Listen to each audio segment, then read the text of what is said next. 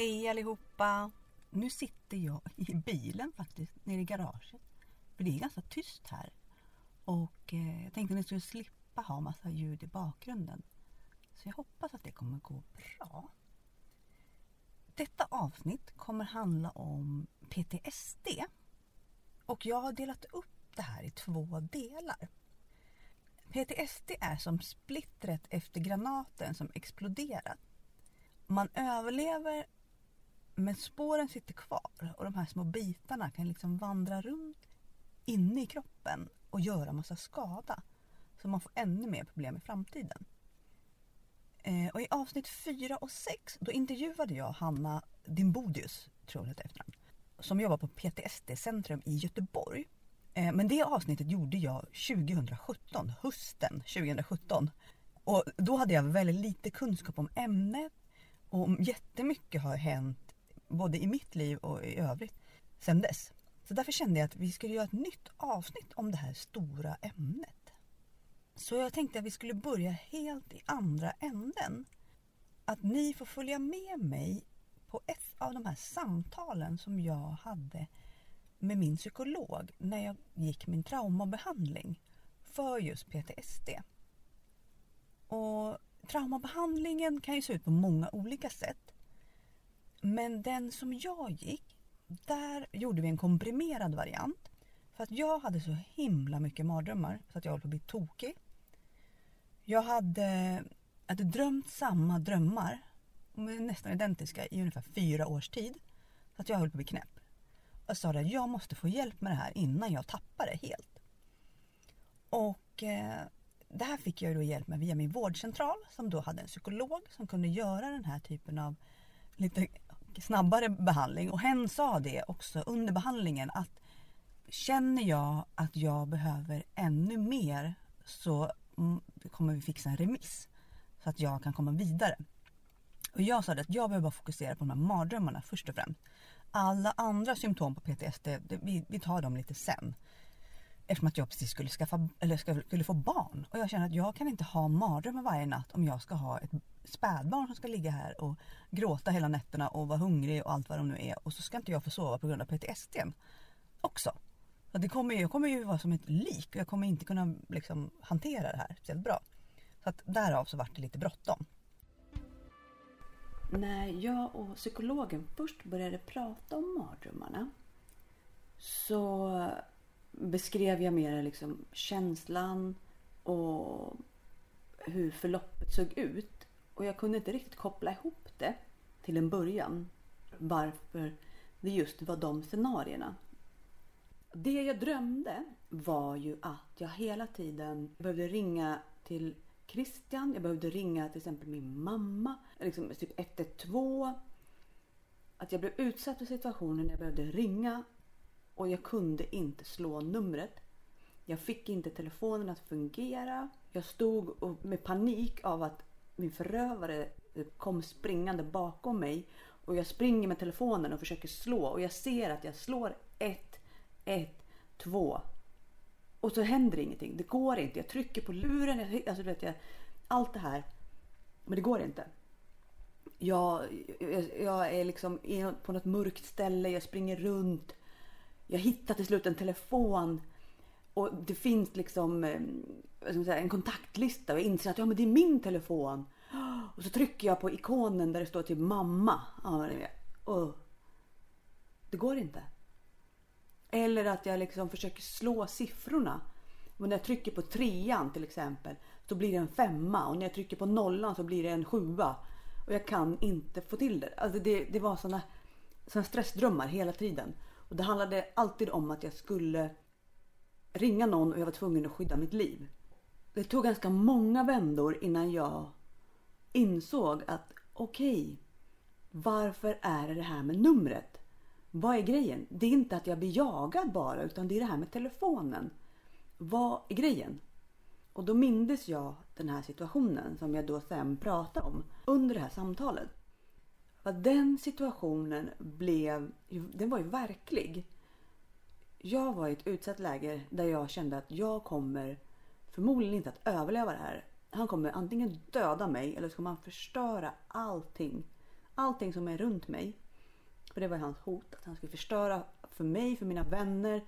Ingen skulle någonsin vilja vara med mig, prata med mig. Alla skulle bara hata mig.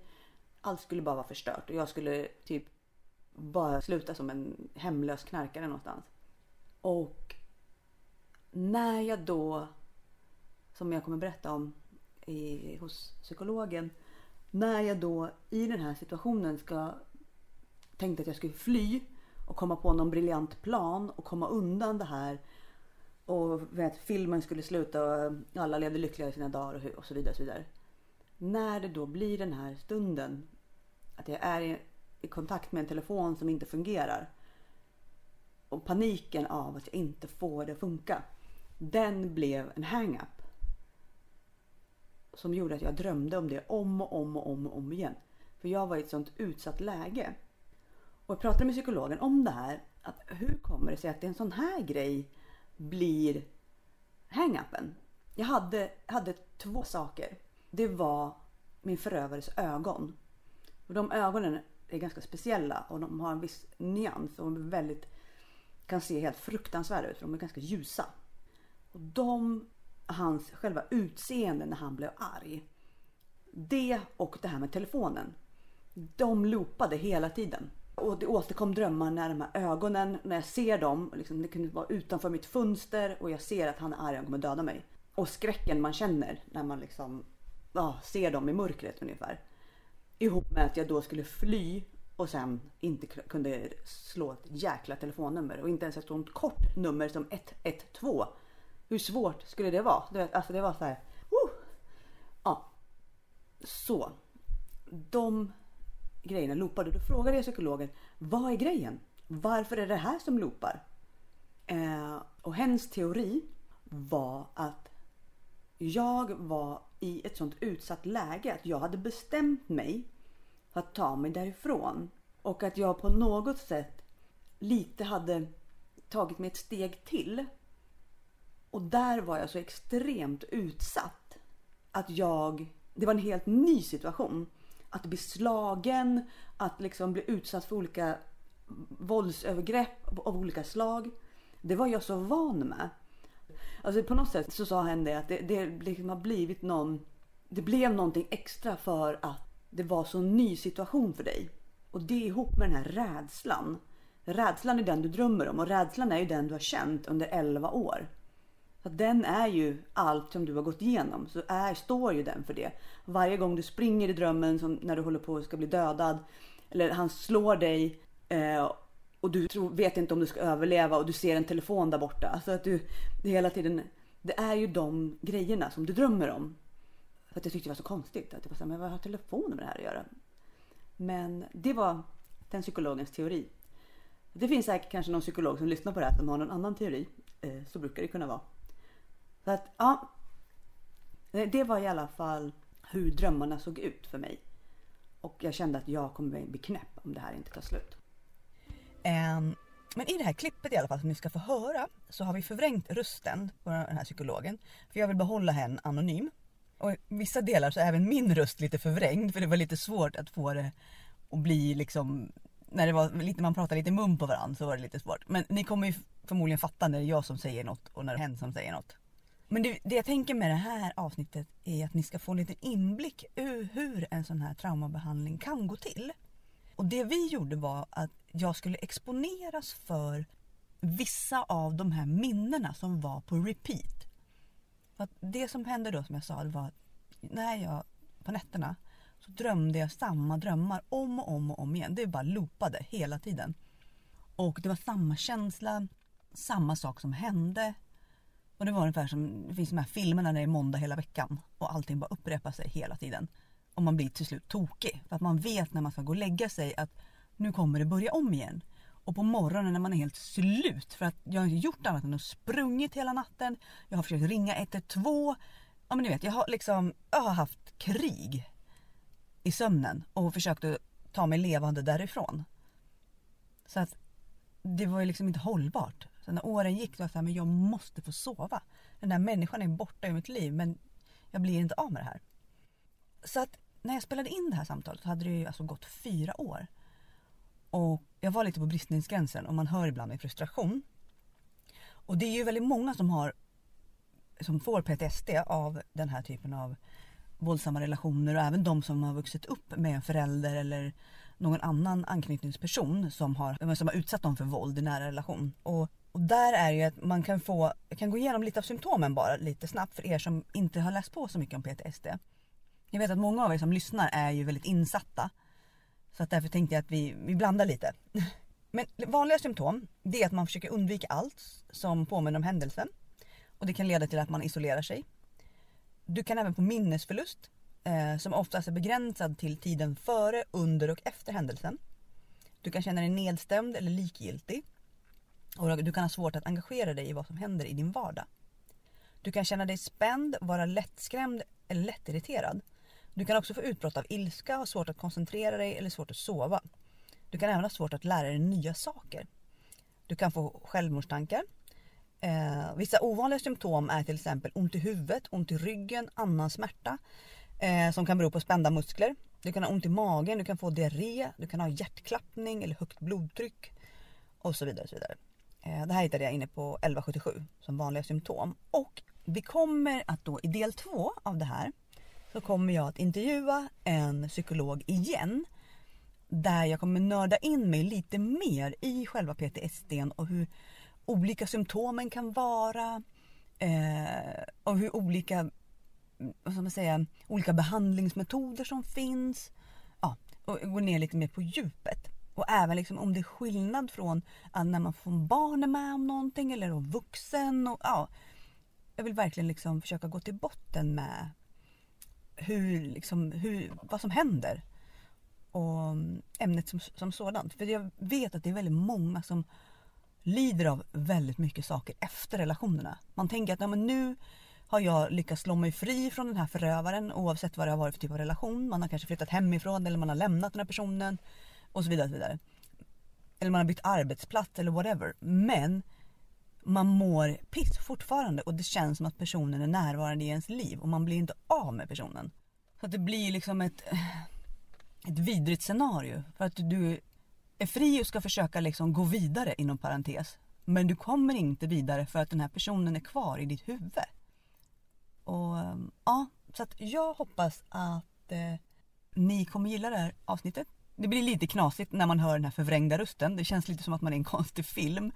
När det är någon som så här Darth Vader-aktigt pratar. Men ja, det ni kommer få lyssna på är ju då hur psykologen här ber mig att återberätta lite minnen och hen förklarar också lite hur det går till när man gör den här typen av behandling. Så att det är en liten inblick i hur det kan se ut när man sitter i en stol mitt emot en psykolog och ska försöka göra den här resan. Och det som jag tänkte jag ska berätta lite sen när klippet är färdigt. Vad jag gjorde sen när jag kom hem och hur jag jobbade med det här. Så här kommer klippet i alla fall.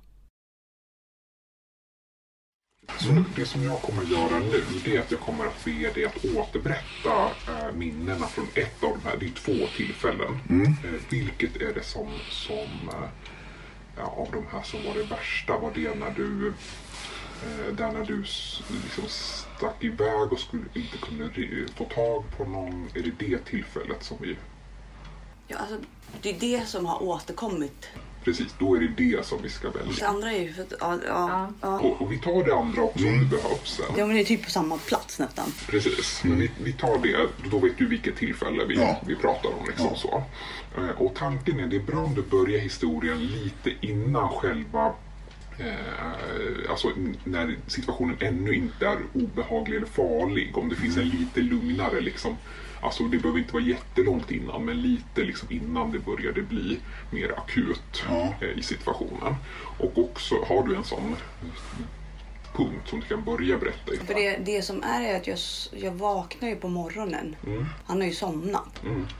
Och det är då jag bestämmer mig för att jag måste dra därifrån. Mm. För att han ligger fortfarande och sover. Just det. Men är det då fortfarande liksom då har ju, då är ju brödroten över. Fast ja, inte, det är då jag insett att... Det är då du beskriver, eller då, det är då du tänker nu ska jag göra det här. Men då är det fortfarande ofarligt just i den stunden. I den situationen sover ju han. Ja, precis. Där. Vi kan börja berättelsen mm. där. Mm. Eh, och sen får du också berätta tills, eh, alltså tills du är ute ur situationen. Alltså finns det en punkt där du är i säkerhet eller vad man ska säga. Efter själva situationen. När du är med någon som är säker person eller på en plats där det inte han kommer liksom åt dig. Nej, för han lyckas ju, han lyckas ju få mig att komma hem igen. Det är det. Precis. Eh, och när slutar då situationen? När du Det i och för sig, för då pratar vi ju... För det där, då har ju han på något sätt ändrat taktik och då ska vi helt plötsligt gå i terapi. Okej, så då lugnar han på något sätt På något sätt, situationen? absolut. Okej, ja, men där, där skriver jag slutet där då. Ja, När han mm. kommer med sin nya taktik att liksom inte fortsätta vara aggressiv eller så. Eh, För att det är viktigt att vi har ett start och slut. För när jag ber dig börja om och berätta, om ni hinner det, eh, då ska du hoppa tillbaka till där starten är. Liksom, då när han sover helt enkelt. Och, och det bästa är att gå igenom, liksom, du, du får berätta hela förloppet och det bästa är att ha slutna ögon. För tanken är att man ska liksom återbesöka minnet. Så man ska se bilderna framför sig. Så att man ska återkalla de här jobbiga minnena så levande som möjligt. Så man ska i princip måla upp det liksom framför sig, se det framför sig. Eh, och, och du ska också beskriva i presens, alltså som om du vore där. Jag ser det här, jag tänker det här, jag känner det här. Är du med? Eh, Och jag kommer påminna mig dig om det om du glömmer det och börja liksom beskriva mer utifrån. Så kommer jag be dig att gå be- beskriva som om du var där. Så jag kommer komma med påminnelse då. Eh, Så ja, du ska helt enkelt högt berätta om händelsen och ange så mycket detaljer du klarar av. Ska jag beskriva rum och sådär eller? Beskriv hur, hur, det, liksom, hur det ser ut, vad, vad du känner, vad du tänker, det du ser framför dig. Ehm, och om du börjar liksom känna starkt obehag eller fly så kommer jag försöka hjälpa dig att stanna kvar ändå vid de här bilderna och fortsätta, uppmuntra dig att fortsätta berätta. Men jag kommer då och då checka av eh, din ångestnivå 0 till 100 då. Eh, och väldigt kort kommer jag be, var ligger din obehagsnivå just nu? Ge den siffran som ligger närmast till hands. Du behöver inte fundera jättemycket. Nej. Är det jättehögt då känner man det. Liksom. Så Ja. säg lite så som det känns. 80 liksom, så- 50, 80, 100. Ja, så. Så försök att stanna kvar i bilden medan du berättar det och sen återgå till att berätta. Eh, Och jag kommer kanske be dig att berätta en eller flera gånger till för det är jättesvårt att veta hur lång tid det tar. Det är olika ofta gång till gång. Eh, Och det viktiga här är att, in, att inte trycka undan minnena även om de är plågsamma när du tar fram dem. Eh, Så det är viktigt att påminna sig att de här minnena är liksom inte farliga för dig på något sätt. Eh, Även om det kan vara otroligt obehagligt att liksom lyfta fram dem och besöka dem. Så är de inte farliga och därför kommer jag också hjälpa dig att stanna i det. Nej, där. Eh, Och jag kommer inte ge så mycket annan respons eller om du ställer frågor gå in i någon diskussion utan vi pratar lite grann efter och gör en lite plan kring hur du ska reflektera och så tar vi upp det nästa, nästa gång. För nu har vi också bra. lite, lite kort om tid. Mm. Eh, Känner du att du har lite koll på hur vi ska göra? Mm, mm, det blir intressant. Ja. Eh, Och då kan, du, då kan du börja när du känner att du klarar det. Kan jag be om en obehagsskattning redan nu? Nu är det ju, skulle jag säga, 70. Ja. Ändå. Ja, du kan börja med att berätta där från början. Jag öppnar ögonen och eh, jag ser hur han, han ligger på min vänstra sida. Eh, för jag ligger inne, jag har en vägg här. Eh, han ligger med händerna eh, under huvudet och han har kudden liksom under. Och jag ser att min dator sticker fram. Eh, jag ser inte min telefon någonstans. Jag förstår att den ligger under kudden. Eh, jag tittar ner och jag har hunden nedanför mig. Ehm, jag känner att jag måste, jag måste gå därifrån. Jag måste ta mig, ta mig därifrån. För jag känner att det kommer, det kommer att hända någonting. Ehm, jag känner mig väldigt otrygg. Jag känner att han, han skulle lika gärna kunna ta och kasta ut mig från balkongen. Hur bor jag ändå på tredje våningen? Ehm, och, och jag är osäker på om jag kommer överleva. Så jag känner att jag, jag måste gå, gå, gå ut och ringa jag måste prata med Christian för att han är den som är, ändå vet lite vad som händer. Och vet lite eh, vilken situation jag är i, även om han inte har förstått allt. Eh, så känner jag att om jag bara får prata med honom så kanske han kan komma med någon plan. Jag känner att jag har ingen plan, jag måste få jag måste hitta, hitta ett sätt att, att komma därifrån utan att jag blir dödad eller att någon annan blir skadad. Så jag måste få en plan, det är liksom det enda jag känner. Eh, så jag, jag irrar upp och, och, känner att jag springer runt i lägenheten för jag, jag har en lapp med hans telefonnummer som jag har fått av min, min kompis Nina. Eh, hon hade pratat med honom, eller hon har pratat med honom på, på Facebook. Eh, och då lämnade han sitt, sitt nummer. Den lappen har jag skrivit ner och lagt den i insidan på något klädesplagg för att inte eh, ska kunna hitta den. Så jag irrar runt och, och jag, vet, jag, springer, jag, jag, springer in i garderoben här och letar efter liksom, och jag har den i ett par byxor. Så att jag tar på mig de byxorna och jag känner att okej, okay, jag, jag, jag, måste, jag måste ta mig ner på stan för det finns en telefonkiosk på Sergels torg utanför Åhléns. För det minns jag att jag har sett. Alltså jag har inte använt telefonkiosk sedan jag var 15. Liksom. Um, men då kan jag ringa och prata utan att han märker det. Hur ser det ut omkring dig? Nu står jag i klädkammaren och där är det fullt med klädracks, ställningar med mina svarta kläder överallt. Jag står och klär på mig. Och hunden står och tittar på mig så jag vet att nu, nu, nu ska vi gå snart. Vad har du för obehagsnivå nu? Vad säger Vad känner du för obehagsnivå här och nu? Alltså här är jag på... Nu är jag på 60 för att jag vet att han sover. Mm. Uh, för klockan är... Obehagsnivån är just du här och nu idag ja. i stolen. Ja. Inte hur det var. Nej. Nej. Nu är det 60. 60. Där, mm. där var det ju 90. Ja.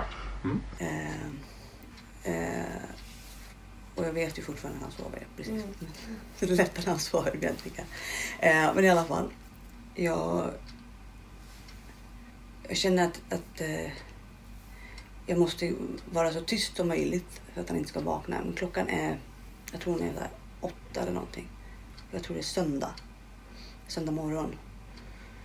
Och jag vet att han kommer inte vakna i första taget för att han har hållit mig vaken hela natten nästan. Han kommer säkert att sova i alla fall till tio. Eh, men jag måste gå ut och ta min plånbok som ligger i hallen. För där har jag ett kort med pengar på. Så jag, så jag tänker, jag, jag lämnar plånboken.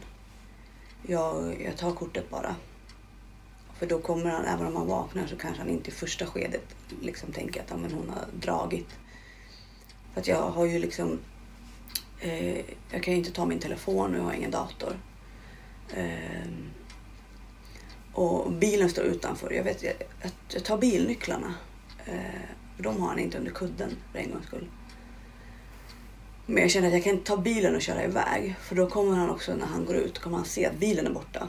Då kommer han fatta att jag är borta. Då kommer jag, inte, då kommer jag också förlora tid. Och risken att han hör att jag kör iväg är också stor. Jag tänker jag tar nycklarna, jag tar minutenkortet och jag går. Eh, så jag går ut, tar på mig kläder, går ut i trapphuset. Eh, hunden är glad, hon vet ju ingenting, hon fattar inte.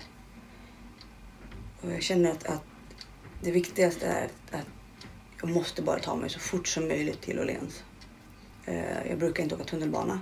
Jag tycker det är helt fruktansvärt hemskt. För det känns bara som att det är bara massa människor som tittar på en och, massa alkisar överallt. Och, fast det inte är det, men det känns så. Eh, så jag har henne väldigt kort i koppel och går liksom till tunnelbanan. Och jag känner att, att, att varje sekund som går känner jag att nu kommer han vakna, han kommer vakna, han kommer vakna, han kommer fatta. Och då kommer helvetet att bryta lös. För att nu har jag gjort någonting som är liksom det största det största man kan göra mot honom. Eh, och jag känner att jag, jag blir ledsen. Jag, jag grinar. Och jag måste, jag måste gå och köpa ett par solglasögon. Så jag går till ICA som ligger precis mitt emot tunnelbanan. Eh, sätter hunden utanför och jag känner att jag har panik för att sätta henne där. För jag känner att det, hon, hon kan, någon kan ta henne. Jag springer in rycker ett par solglasögon som de är vid kassan. Och eh, går ut igen. Sätter på mig solglasögonen så jag kan vara ledsen utan att någon ser det. Jag ser ut som helvete. Ögonen är ju svullna som tusan. Det är ju bara katastrof. Jag ställer mig på tunnelbaneperrongen tunnelbaneperrongen, väntar på tåget och jag står och tittar på henne och känner bara, jag vet inte ens vilket jävla håll jag ska åka åt. Och det är sjukt stressigt. Ehm. Men eh, jag hittar en jävla karta där och bara okej, okay, jag ska ta det här tåget till centralen och sen kan jag gå därifrån för då hittar jag. Eh, jag kliver på tunnelbanan, hittar en vagn där det är en hund på bild. Jag känner att okej, okay, där kan vi ju stå. Eh, jag känner mig som, som att jag har släppt allt för att jag har ju ingen telefon, ingenting. Det känns som att jag, har, jag är helt oskyddad. Det finns ingen som kan hjälpa mig. Det finns ingen som, kan, som vet om att det här händer. Jag, liksom, jag, jag har ingen, jag är ingen, jag bara är i någon slags limbo. Och jag kliver av den där tunnelbanan. Eh, precis som att jag inte, jag är inte, jag är inte där. Jag, jag, jag, jag, känner att jag, när jag väl är i det, jag känner att jag minns inte när, när jag ens har klivit av tunnelbanan. Så jag, inte ens, jag har nästan ingen bild av att jag varit på den. Det är precis som att jag är så borta. Men jag går i alla fall bort till den här telefonkiosken. Och det är inte så mycket människor för det är innan klockan tio så jag måste vara typ, mm, måste vara typ halv nio, nio. Och Stan har inte öppnat än. Jag ser bara lite folk. Och Jag går fram till den här telefonkiosken och jag har kortet i fickan och jag börjar pilla på den här lappen. Och jag bara ser att den, den liksom, telefonkiosken är så trasig och den är liksom... Det bara hänger grejer och bara det här är ju... Det kommer ju inte gå så bra.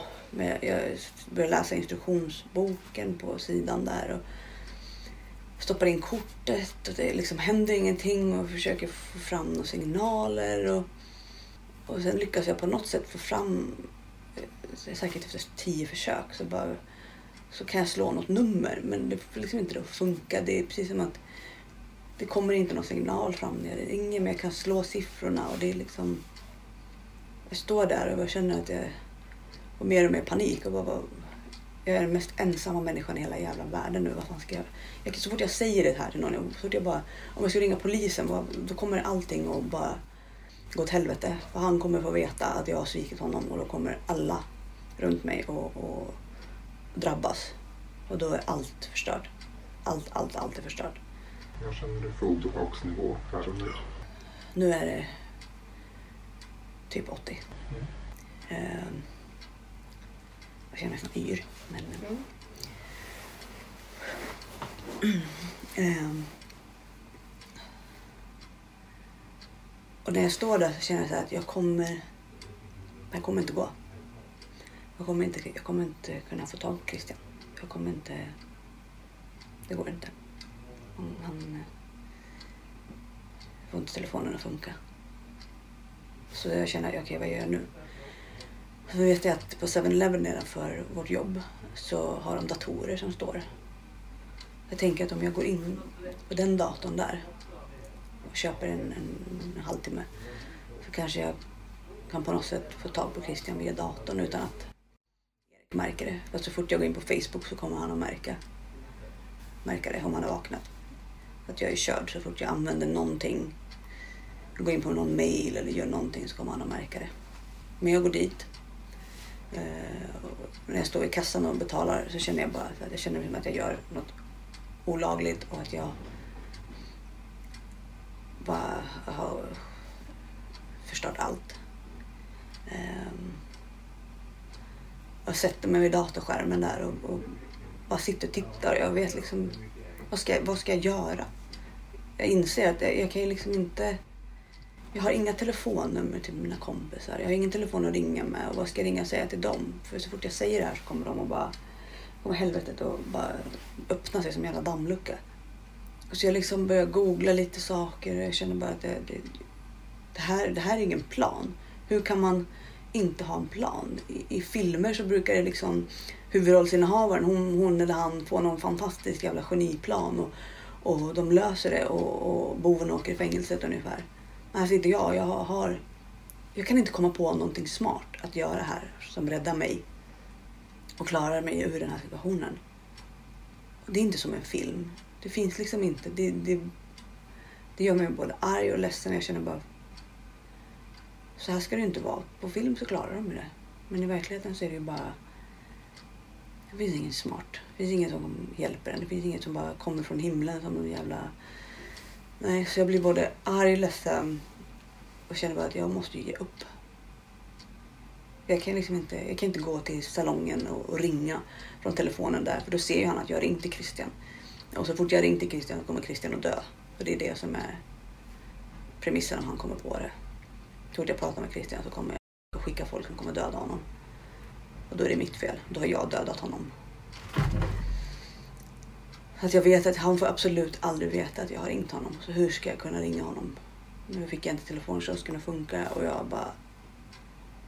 Jag måste ge upp. Så jag går till studion. Jag sätter mig i soffan en liten stund och bara tänker att jag kanske kommer på något. Och det är liksom, hjärtat slår i 120 och jag känner, det här. Jag kommer inte klara av att rädda mig själv. Jag är den mest värdelösa människan i hela världen. Hur fan ska jag ta mig ur? Jag går och sätter på datorn. Jag går in på min Facebook och väntar. Och det tar ungefär två minuter. Och så skickar han meddelande. Och frågar vart jag är. Jag säger att jag är på studion. Och han säger åt mig att komma hem. Jag säger att jag vill aldrig mer komma hem. Och helt plötsligt så är han snällaste människan i hela världen. Och säger att vi måste, vi måste prata, vi måste försöka lösa det. Vi, måste, vi har ju varit tillsammans så länge och allt vad det nu är. Och han, vi ska gå i terapi och att han, han, han, han har tittat på lite olika namn och vi, vi, vi ska försöka, vi måste fixa det här. Han sa jag ringer en taxi. Jag ringer en taxi till dig så du kan åka hem. Jag känner bara, ja, jag får åka hem. Jag kommer inte komma på någonting idag. Vad känner du för obehagsnivå här och nu? Vad är jag för nivå nu? Mm. Nu är jag på 60-50. Ungefär. Och i taxin så känns allting bara... Det känns som att jag önskar att taxin bara in i en vägg. Det är ungefär där jag är. Och eh, jag är inte rädd längre. Utan jag känner bara att jag var likgiltig. Jag är väl lika bra bara dö, typ. Och sen när jag kommer hem så eh, låtsas han vara ledsen. Och glad samtidigt som att jag kommer hem och att, att vi måste lösa det här. Och han låtsas gråter och han är uppgiven. Och han ville verkligen att vi ska klara av det här. Vad känner du själv?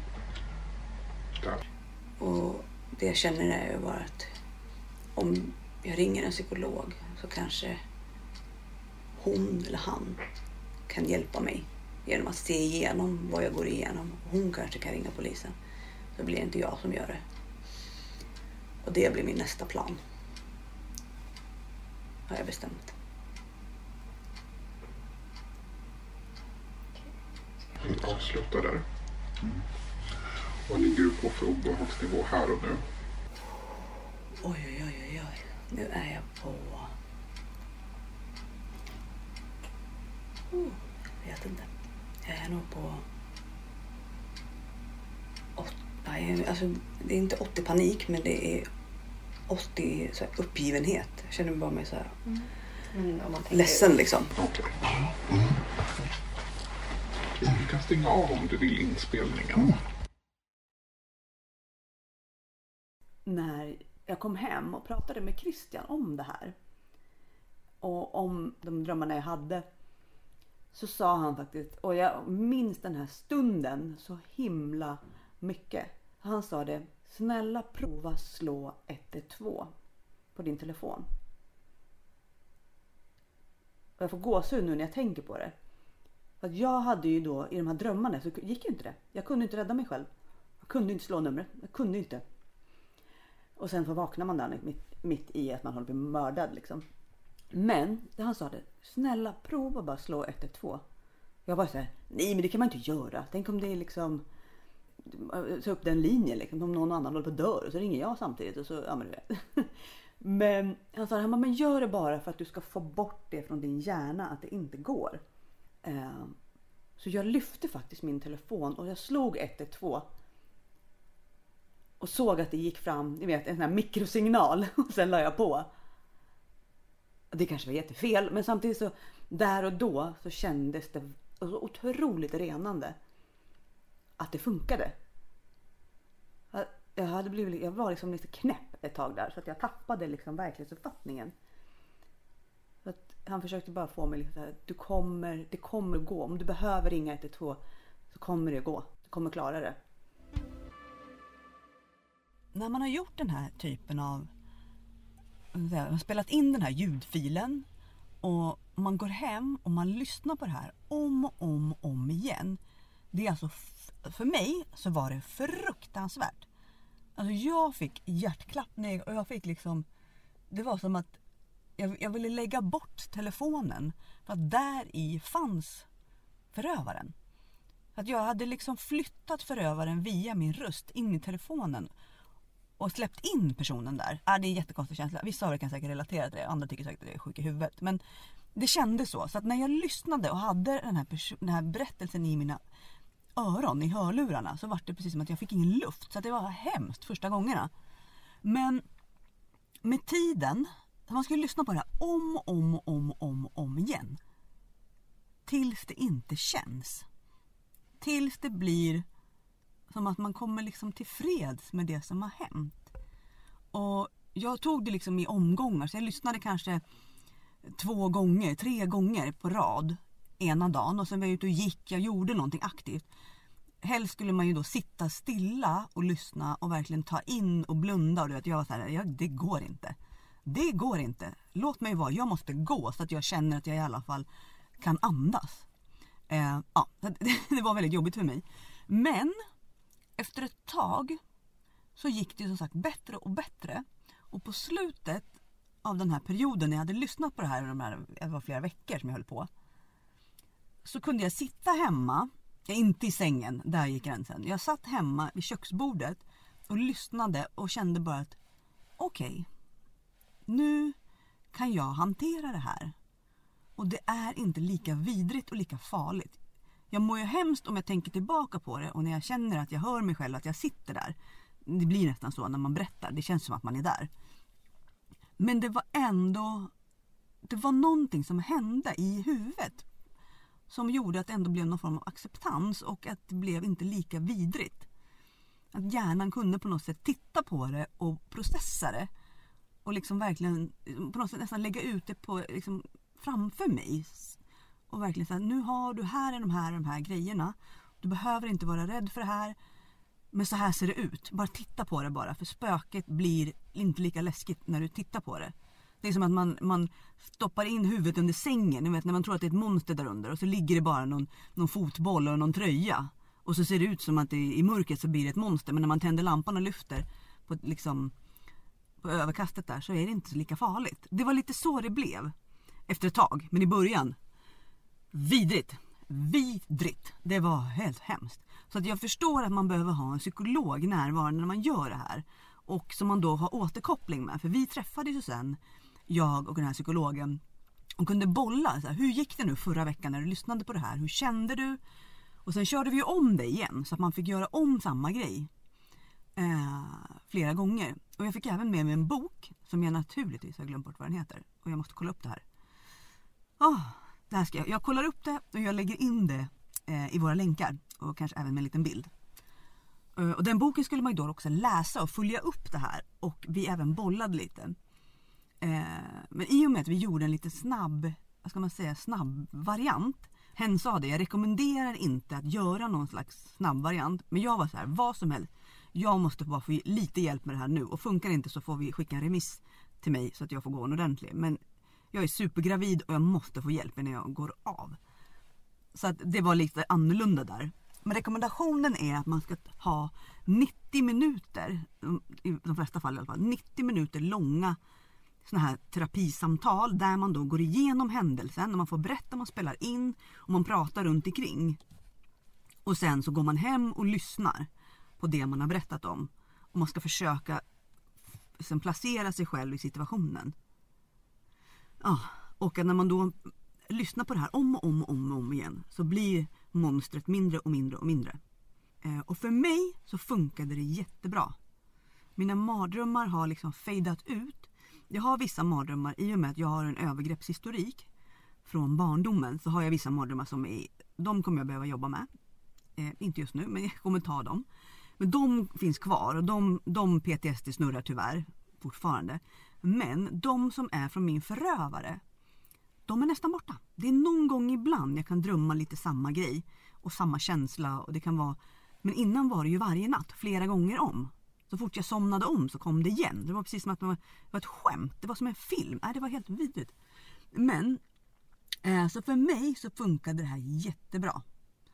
Eh, och därför tänker jag att vi i nästa avsnitt när jag pratar med den här psykologen så kommer jag att vilja att hon specificerar mera vilka olika typer av hjälp som finns. Eh, eftersom att det här passar ju inte alla. Och eh, liksom fördjupa oss lite mer i det. För att det är så viktigt kan jag känna att ni som lyssnar och ni som känner att ni lider trots att ni har lämnat den här personen och att det är saker som bara sitter kvar och snurrar och ni blir inte av med det. Och det är ganska många som mejlar mig och skickar DMs om just det här eh, och hur man kan bli bättre. För att det är så många som mår dåligt och som kanske kan få hjälp. Och att det är det, i vissa fall så kan det vara ganska, alltså för när jag pratade med psykologen om det här så sa hen att det är faktiskt ibland ganska enkelt att bli av med PTSD. Jag var såhär, va? Skämtar du? Det är ganska många som kanske går runt där ute och lider fast de inte behöver. För att de hade, hade de fått rätt traumabehandling så hade de kunnat bli friska ganska snabbt. Och det, när jag tänker tillbaka så minns jag att Hanna i avsnitt 4 och 6 när vi pratade om PTSD också var inne på den linjen. Att det är inte omöjligt att bli av med PTSD. Och att det är liksom det finns väldigt många bra behandlingsmetoder. Ja. Så att nu ska jag inte sitta mer och mässa om det här i bilen men jag tycker i alla fall att eh, det, det, har varit en väldigt intressant resa för mig att göra det här parallellt. Och jag har ju mycket kvar. Och det är därför jag känner att jag ändå vill dela med mig. För att jag vet att det är många där ute som har mycket frågor och som inte vet att de ska vända sig. De vet knappt att det är det här de lider av.